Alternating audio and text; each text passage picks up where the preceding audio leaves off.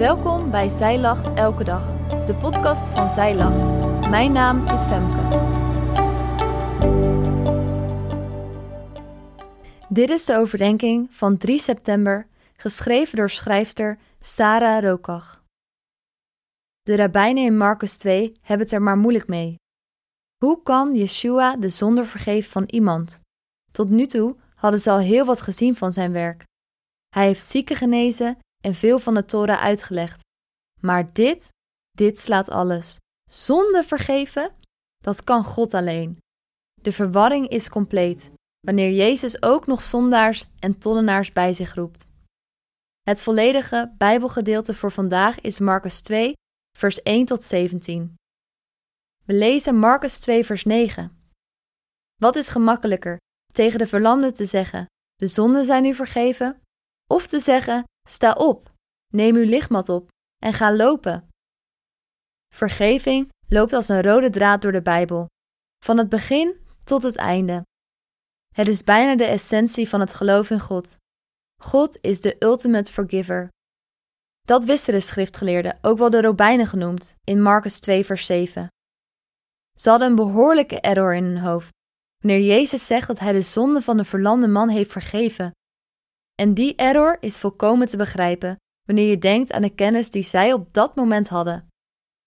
In Leviticus 24 staat namelijk dat na godslastering iemand gestenigd moet worden. Dat was een serieuze straf. En wat Jezus hier zegt, is in hun ogen godslastering. Alleen God kan zonde vergeven en verder niemand. De enige manier om toenertijd vergeving te vinden was via offers die God aan zou nemen. Toch gaat Jezus hier bewijzen dat Hij, door de kracht die Hij van God heeft ontvangen, zonde kan vergeven. En dat doet Hij op een manier die de schriftgeleerden bekend voor zou moeten komen. In het Oude Testament vinden we verschillende voorbeelden van mensen die zich in onmogelijke situaties bevinden. Denk aan Elia en het vuur dat zijn offer voor God verteert, terwijl er geen reactie komt op het offer van Baal. Denk aan David en Goliath, een onmogelijk gevecht. Allemaal baden zij tot God en God antwoordde hen door middel van een teken of wonderbaarlijke gebeurtenis. Deze kennis hadden de schriftgeleerden ook, en Jezus doet daarom hetzelfde. Om te bewijzen dat hij daadwerkelijk de kracht van God gekregen heeft om zonde te vergeven, geneest hij de man. De verlamde man staat op en gaat naar huis, nadat hij fysiek en geestelijk kerngezond is geworden. Daar kon niemand omheen. Een man die eerst niet kon lopen, kan dat nu opeens wel. Jezus laat hiermee zien dat hij de kracht van God had om het zichtbare en het onzichtbare weg te nemen. In Marcus 2, vers 17 staat: En toen de schriftgeleerden en de fariseërs hem zagen eten met tollenaars en zondaars, zeiden zij tegen zijn discipelen: Waarom eet en drinkt hij met de tollenaars en zondaars? Nog even terug naar die schriftgeleerden. Die waren toch een beetje van slag.